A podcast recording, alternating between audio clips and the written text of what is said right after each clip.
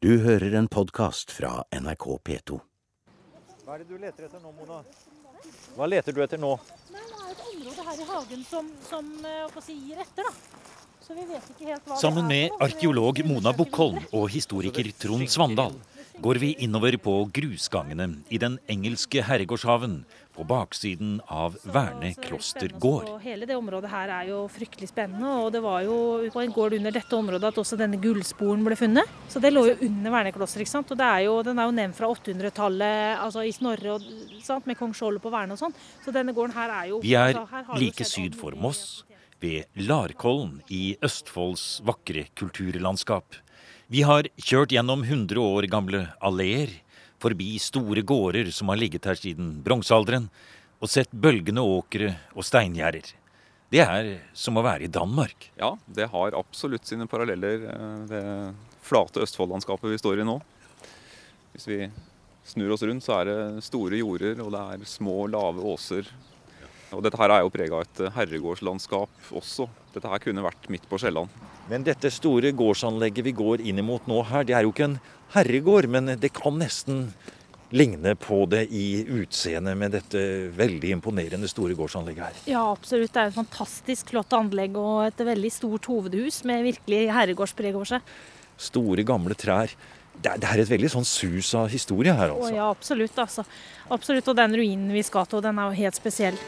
Helt spesiell. Det er få ruiner som er så urørt og har en sånn jeg holdt på å si fortidens ånd nesten bokstavelig talt over seg som denne her. Så den er helt spesiell.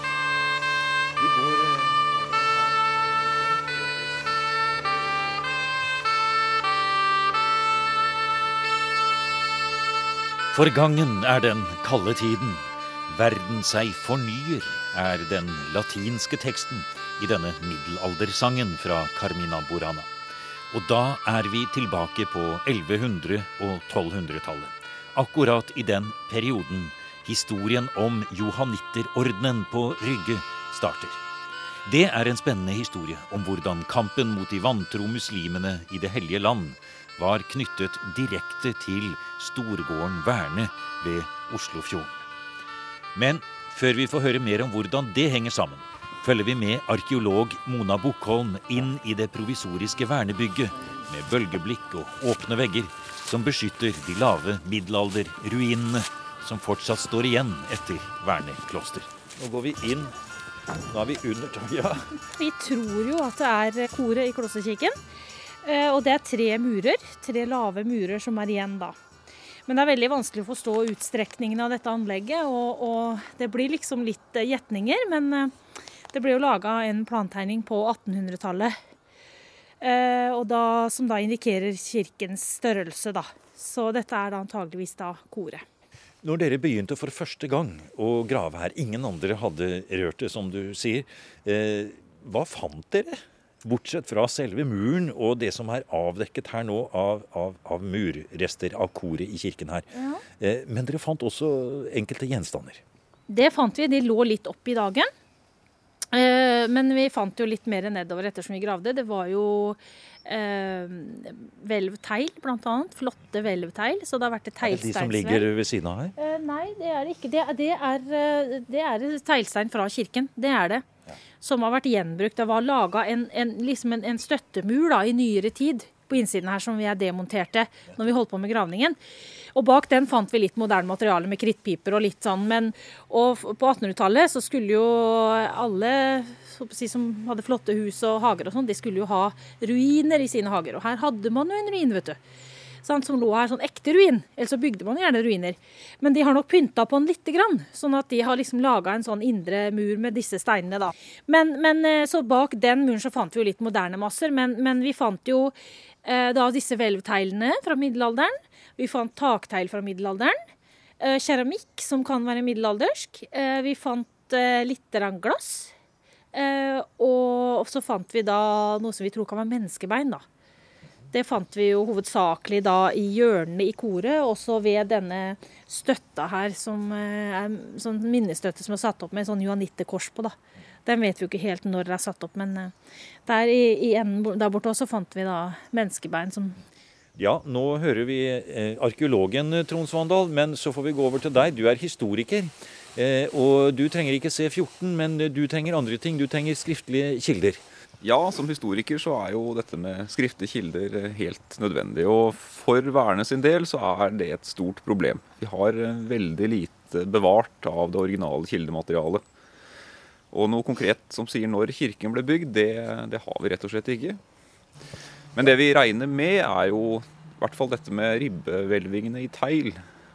Så er vi ute på 1300-tallet, kanskje tidlig 1400-tall. Men kirken kan og har nok vært eldre. Men den kan ha blitt ombygd. For da, da snakker vi altså om den eh, siste fasen av eh, Verne klosters eh, liv, da, for å si det sånn. Da snakker vi om den siste fasen, og på mange måter den mest interessante fasen. Eh, nå skal vi gå litt opp i kirken her igjen, fordi vi hørte jo at det lå noen menneskebein her også. Og det kan jo tyde på at eh, det var klosterbrødrene som kanskje fant sitt siste hvilested inne i kirken under taket her. Vi skrever oss over noen planker og går under taket her og kommer fram inn her. Den første historien til dette stedet, når begynner den? Ja, da er vi jo inne på dette problemet med kildene igjen. Eh, kanskje vi skal begynne helt tilbake med, med, orden, altså de som faktisk bodde her i middelalderen. Som var eh, brødrene av johannitterorden, eller eh, Den hellige Sankt Johannes av Jerusalems hospitalsorden, som den også heter. Og Det er en orden som oppstår, som navnet tilsier, i Jerusalem, så langt tilbake som på 1000-tallet. Og er en av de store korstogsordenene dette er jo en lang historie å gå inn på, men eh, i år 1099 så kom jo en stor korsfarer her fra Europa og erobrer Jerusalem. Og i eh, årtiene som følger, så driver man jo da med krigføring mot muslimene. Ja, og erobringene må jo vedlikeholdes, og da er det tempelridderne og johannitterne som deler det ansvaret. Hva var forskjellen på de to ordnene? Den store forskjellen er eh, nok at johannitterorden i tillegg til å drive krig, det er det tempelridderne primært gjør, men johanitterne driver også et eh, hospital, og de, de tar imot syke og pilegrimer som kommer til Jerusalem. Så de har en veldig en todelt eh, funksjon. De skal altså gjøre to ting. De skal samle inn penger til krigen. Og de skal ta seg av sårede og syke som følge av krigen. Ja, det skal de. Og det er det som blir hovedfunksjonen da, til de, de mange johanitterhusene som etter hvert eh, vokser opp rundt omkring i Europa. Det blir eh, en, en form for innsamlingssteder og, og eiendoms, eiendommer som man da tjener penger på, og som man sender videre til eh, Jerusalem. I tillegg så skulle de drive forkynnelse og rekruttering av, av mannskaper rett og slett til krigen. Men dette å samle inn penger, det var veldig viktig. For krigen ja, den kosta rett og slett enorme summer. Og det syns jeg er veldig spennende, for nå er vi inne og prøver å lete oss frem til hvordan johanitterne kom så langt nord som til eh, Oslofjordområdet. Og altså hit vi er nå, i Rygge kommune, på Verne kloster. For det var jo ikke ukjent også for norske stormenn å være med i korstogene og på de store, skal vi si, eh, krigshandlingene i Det hellige land. En av dem var Erling Skakke. Fortell oss litt om han. Ja, Erling Skakke er en eh, veldig interessant person i den sammenhengen her. Um, han var stormann og var faktisk far til kongen på dette tidspunktet, Magnus Erlingsson. Han var ikke den første som reiste til eh, Det hellige land på korstog. Vi har jo Sigurd Jorsalfare noen tiår før. Men uh, i 1150-åra så er eh, Erling en, en, tur nedover i Jerusalem.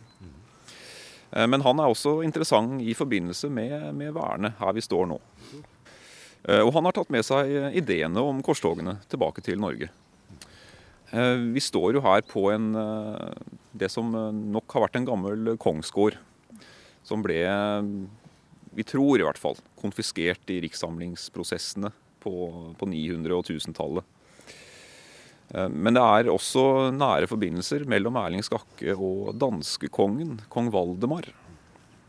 Som eh, vi vet eh, fikk johanitterne til Danmark rundt år 1170. Og forbindelsene mellom eh, Erling Skakke og Valdemar eh, tror i hvert fall jeg har vært sentrale også for Verne sin del. Ja. Forklar det litt nærmere. Jo, eh, det er i en periode med, hvor Valdemar først driver korstog, egne korstog mot, mot slaverne på den danske eller tyske øya Rygen, litt sør for Danmark. Han er også veldig påvirket av korstogsideene. Men eh, Valdemar prøver også å ekspandere nordover inn i Norge. Det som i dag er Norge, men som eh, hadde vært tidvis under ganske sterk dansk kontroll. Akkurat området vi står i nå, denne østre delen eh, øst for Oslofjorden, var et av de veldig danskkontrollerte og dansk-influerte områdene.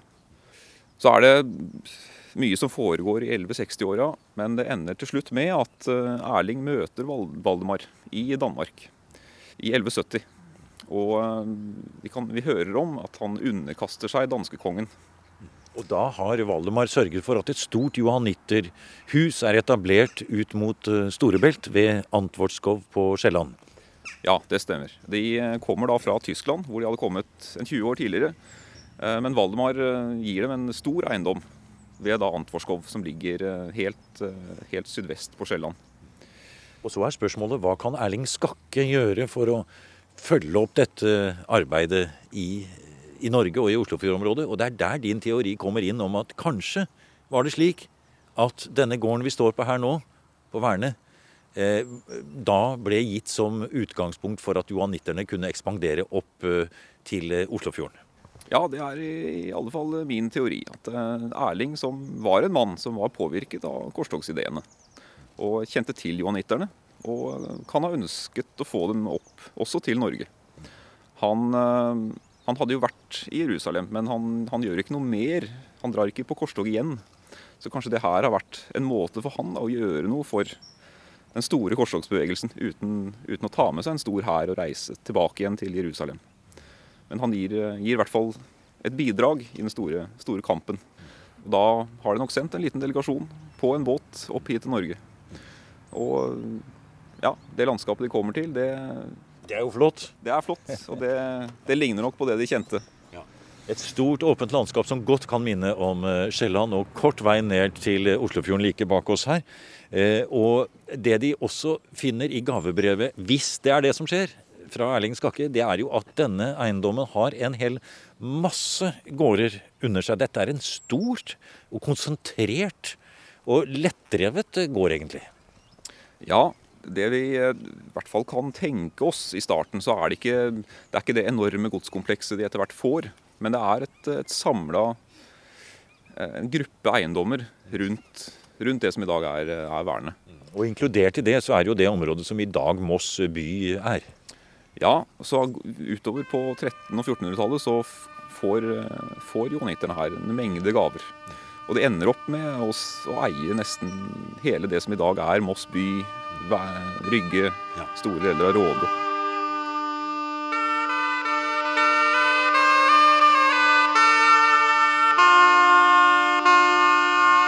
Du skal frykte Gud, Deum time, heter denne hymnen fra omkring 1170. Skrevet av magister Leonimus, som da hadde ansvaret for musikken i Notre-Dame i Paris. Og om det var Erling Skakke som ga gården Verne til johanitterne, eller om ordenen først kom til Rygge 100 år senere, gir ikke kildene sikkert svar på, sier historiker Trond Svandal. Det første vi eh, med sikkerhet kan si, det er et uh, beskyttelsesbrev hvor kongen gir sin, uh, sin beskyttelse til Johanitterhuset her på Verne.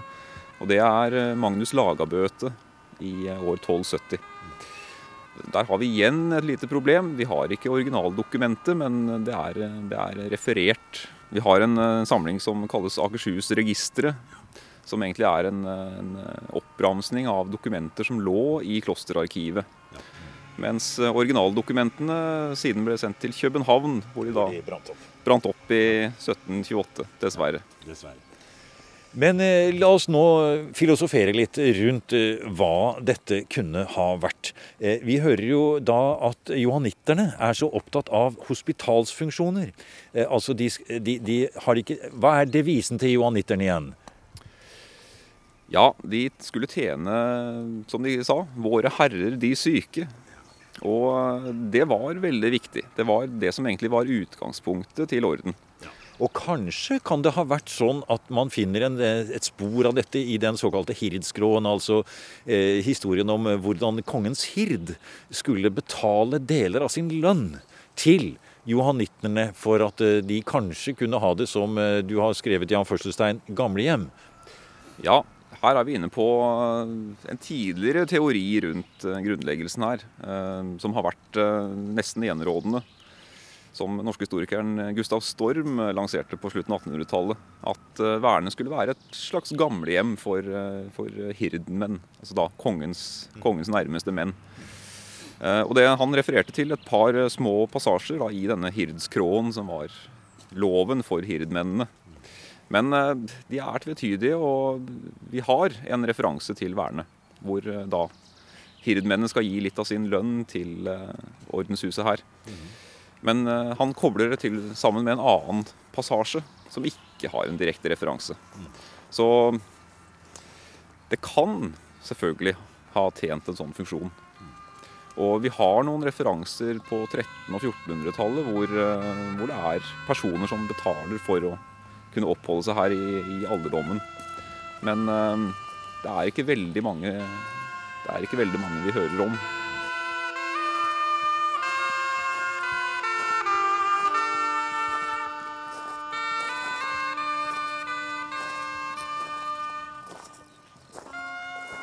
Hvordan kan det ha vært her, Trond, da den gangen det vi kaller for Verne kloster kom? Enten det var 1170 eller 1270. Var det spaserganger og meditative små hjørner hvor eh, munkene satt og mediterte? Eller var det ikke et sånt kloster i det hele tatt? Nei, dette er jo det tradisjonelle bildet av et, eh, av et eh, middelalderkloster. Nå er johanitterorden Den skiller seg litt fra akkurat det bildet. Vi eh, vet fra andre steder i, Europa, skal vi si tilsvarende ordenshus som Verne var, at eh, det var kanskje mer av et administrasjonssentrum enn et kloster. Det var, det var ordensbrødre her, og de hadde en kirke. De skulle be, som eh, alle andre religiøse personer i middelalderen. Men de skulle også drive godset sitt og tjene penger. Og det skulle da sendes videre for å bekoste krigføringa til orden. Enten det var i Jerusalem, Det hellige land, eller senere på Rådås. Ja. Også i dag så kaller vi jo dette området her for Verne kloster. Det burde jo egentlig hett Verne johannittergård eller Verne johannitterhus eller noe i den sammenheng. Hvor kommer dette klosterordet fra, som forvirrer oss sånn til å tro at det er et type kloster med munker og, og, bønn og fromhet, når det da rett og slett er et, en økonomisk virksomhet. Vi ser det brukt allerede i middelalderen, fra slutten av 1300-tallet. Så det har nok vært en viss forvirring eh, allerede den gang. Hva er dette for noe? Er det et kloster? Er det Ja. Tror ikke folk helt har vært klar over det. Selv i, selv i sin samtid. Så når vi nå går rundt på disse fine veiene her i dag og, og betrakter den flotte ruinen som ligger der med johanitterkorset, eller det malteserkorset da, som står i, med hvitt på rød bunn på, på stenen der, så representerer det rett og slett krigen mot muslimene, innsamling av penger, forretningsdrift så hardt det lot seg gjøre, for den var hard. Den har nok eh, vært hard. Nå var selvfølgelig godsadministrasjon også hos adelen i sin samtid, den var også hard. Så de går inn i, inn i det samme. Men de driver også med altså De reiser rundt og holder prekener og samler inn penger i tillegg. Så de hadde flere måter å tjene penger på. Samtidig som vi, vi skal ikke helt se bort fra at de tok imot reisende og kanskje pilegrimer. En viss pilegrimstradisjon eh, er faktisk knytta til Værne på 1400-tallet. Middelalderforum ved Universitetet i Oslo ga i 2006 ut Trond Svandals bok om johanitterordenen. Og Der beskriver han nøye landskylden og inntektene for johannitterne på Værne. Gården var ikke blant Norges rikeste, heller midt på treet i sin samtid, sier Svandal. Svartedauden og konflikten med den norske kong Haakon 5. Magnusson driver Værnes inntekter ned. Men på 1400-tallet blir det bedre tider. Og det, sier Trond Svandal, har sammenheng med adelens interesse for ridderidealene. Og disse ridderidealene, som jo hadde vært veldig viktig gjennom hele middelalderen Det var jo ridderstanden som førte krig, og det gjør de til en viss grad også på 1400-tallet. Men eh, idealene de går mer over i legender, og det er, det er noe man strever etter, noe man ikke kan nå. Og det gir seg mange forskjellige uttrykk. Her i Norden så er det særlig én konge som, eh, som vi kan knytte det til. og Det er eh, den første Oldenborg-kongen, Kristian den første. Han er en sånn ridderromantiker, nesten. Han, eh, han drar bl.a. til Roma, han blir slått til ridder av paven. Han kommer tilbake igjen og stifter sin egen ridderorden. Og dette er Dette er elefantordenen. dette er det som eh, i hvert fall blir elefantorden. Og han, eh, han lever i en, en, esoterisk verden med riddere, ridderidealer og leser ridderromaner som blir veldig populære. Men eh, samtidig så har man jo den levende tradisjonen da, med johanitterorden, som fortsatt driver kampen mot de vantro, som de mener at muslimene eh, er. Kristian eh, han planlegger også et eget korstog. Han skriver til paven at han fra Norden vil sende 100 000 mann og kjempe mot tyrkerne. Det er jo selvfølgelig helt urealistisk, og det ble aldri noe av. Men eh, kanskje for å kompensere, da, så, så er han en av johannitternes virkelige støttespillere. Midt på 1400-tallet. Og det kongen gjør, det vil jo selvfølgelig også adelen gjøre. Og disse ridderidealene lever eh, også blant adelen. Og nå står vi jo her, i Østfold. Og det var et av de adelstetteste områdene i senmiddelalderen. Ved herregårder, stort antall herregårder. Og de søkte da også kanskje som eh, kongen til johanitterne. Eh, og da kommer de altså hit. Og kanskje det er grunnen til at denne kirken vi står i ruinen av her, blir nettopp bygd på den tiden. Ja, det tror jeg ikke er eh, tilfeldig. Johanitterne som jo driver korstogene videre, det er en eh, stor prestisje knyttet til det. Og hvis du som eh, kanskje en ikke så veldig mektig adelsmann eh, har en tilknytning til den store, mektige internasjonale orden, så vil jo det også øke din prestisje i samfunnet. Og det er kanskje akkurat på dette tidspunktet at storhetstiden til johanitterordenen kommer, mens vel de andre munkeordnene i Norge på det tidspunktet, de er vel på vei ned? Ja, det er det som eh, gjør Værne så spesielt akkurat i den perioden her. 1400-tallet det ses på jo som en eh, generell nedgangsperiode. Og klostrene rundt omkring i Norge de får mindre inntekter, de blir mindre populære, og mange blir til og med nedlagt. Mens du får en eh, stikk motsatt utvikling her på Værne. 1400-tallet er glansperioden, men i 1532 er det slutt. Krig, politiske uroligheter i Norden og statskupp i Danmark gjør at johannitternes eiendommer blir beslaglagt av kongen. Og for Vernes del gitt til adelsmannen Peder Brokkenhus. Men i resten av Europa fortsetter historien til den hellige Sankt Johannes av Jerusalems hospitals orden. Og den eksisterer den dag i dag. Ja, johanitterne eksisterer fortsatt. Nå under et eh, annet navn. I dag er de kjent som eh, malteserne. Og det er jo selvfølgelig knyttet til øya Malta. Eh, I 1520-åra så må de til slutt gi tapt for tyrkerne. Og de er nødt til å flykte fra øya. Og etter noen års flakking rundt i Europa så får de i 1530 øya Malta i gave fra den tysk-romerske keiseren Karl 5. Og på Malta så etablerer de seg igjen. Og de bygger den ut til en kjempestor festning. Og klarer å motstå gjentatte angrep fra tyrkeren.